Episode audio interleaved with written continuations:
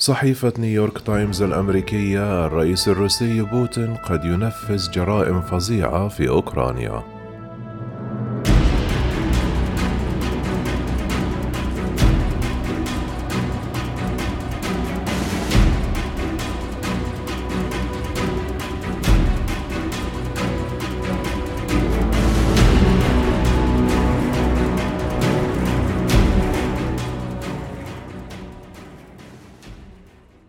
بعد 11 عاما من الحرب في سوريا لم يحصل ضحايا نظام الأسد على العدالة على الرغم من محاسبة أفراد منخفضي ومتوسطي الرتب في نظامه. لكن الجرائم واسعة النطاق التي ارتكبها الرئيس السوري ضد شعبه بمعاونة روسية وإيرانية لا تزال حتى الآن من دون حساب. نقلت صحيفة نيويورك تايمز قصصا عن مدنيين قتل النظام افرادا من عوائلهم سواء على يد شرطته السرية أو خلال القصف الذي استهدف المناطق السكنية في سوريا وقالت إن مصيرا مماثلا قد ينتظر الأوكرانيين الذين تتعرض مدنهم الآن للقصف خلال الغزو الروسي لها. وتقول الصحيفة أن المشهد يتكرر حيث تقصف الأحياء التي كانت نابضة بالحياة وتزدحم جثث المدنيين في المستشفيات ويشعر الجميع بالرعب من قرار محتمل للجيش الغازي باستخدام الأسلحة الكيميائية فيما تستهدف القذائف الهاربين من القصف. ونقلت الصحيفة عن محللين قولهم إن إرث الحرب السورية ودور روسيا فيها يلوح في الأفق بشكل كبير على أوكرانيا مما يقدم دروسا محتملة لبوتين مفادها إن الخطوط الحمراء التي وضعها الغرب يمكن تجاوزها من دون عواقب طويلة الأجل، وأن المستبدين يمكنهم القيام بأشياء فظيعة ومواجهة العقوبات الدولية وما زالوا في السلطة. تم توثيق الكثير من الوحشية التي استخدمها الأسد لسحق خصومه، وأثارت وقتها غضبا جعل الكثيرون يعتقدون أنه لا يستطيع أبدا الإفلات من العقاب.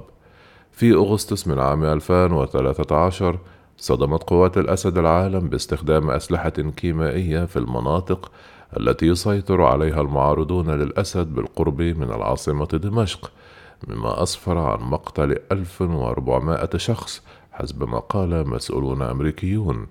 وتوقع العديد من السوريون أن مثل هذا الانتهاك الصارخ للقانون الدولي من شأنه أن يدفع إلى تدخل عسكري غربي خاصة وأن الرئيس الأسبق باراك أوباما وصف استخدام الأسلحة الكيميائية حينها بأنها خط أحمر، لكن الولايات المتحدة الأمريكية لم تتدخل بشكل كبير، وفي نهاية المطاف سيطرت قوات الأسد على البلدات التي تعرضت للغاز.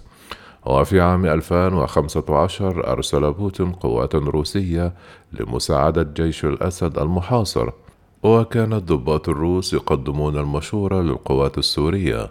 كانت الطائرات الروسية تلقي القنابل على المدن السورية وتتمتع بنفس ميزة الإفلات من العقاب الذي بدا أن الأسد يتمتع بها. في أوكرانيا استخدمت روسيا حملات تضليل مماثلة لتلك التي كانت رائدة في سوريا حيث وصفت دمشق نشطاء المعارضة زورا بأنهم أعضاء في تنظيم القاعدة. واتهمت المعارضة بشن الهجمات الكيميائية لإلقاء اللوم على الحكومة السورية. يقول محلل نيويورك تايمز أن روسيا تقوم بنشر اتهامات مماثلة مستشهدين بالأخبار التي نشرتها موسكو عن وجود مختبرات بيولوجية في أوكرانيا وأن الحكومة الأوكرانية حكومة نازية.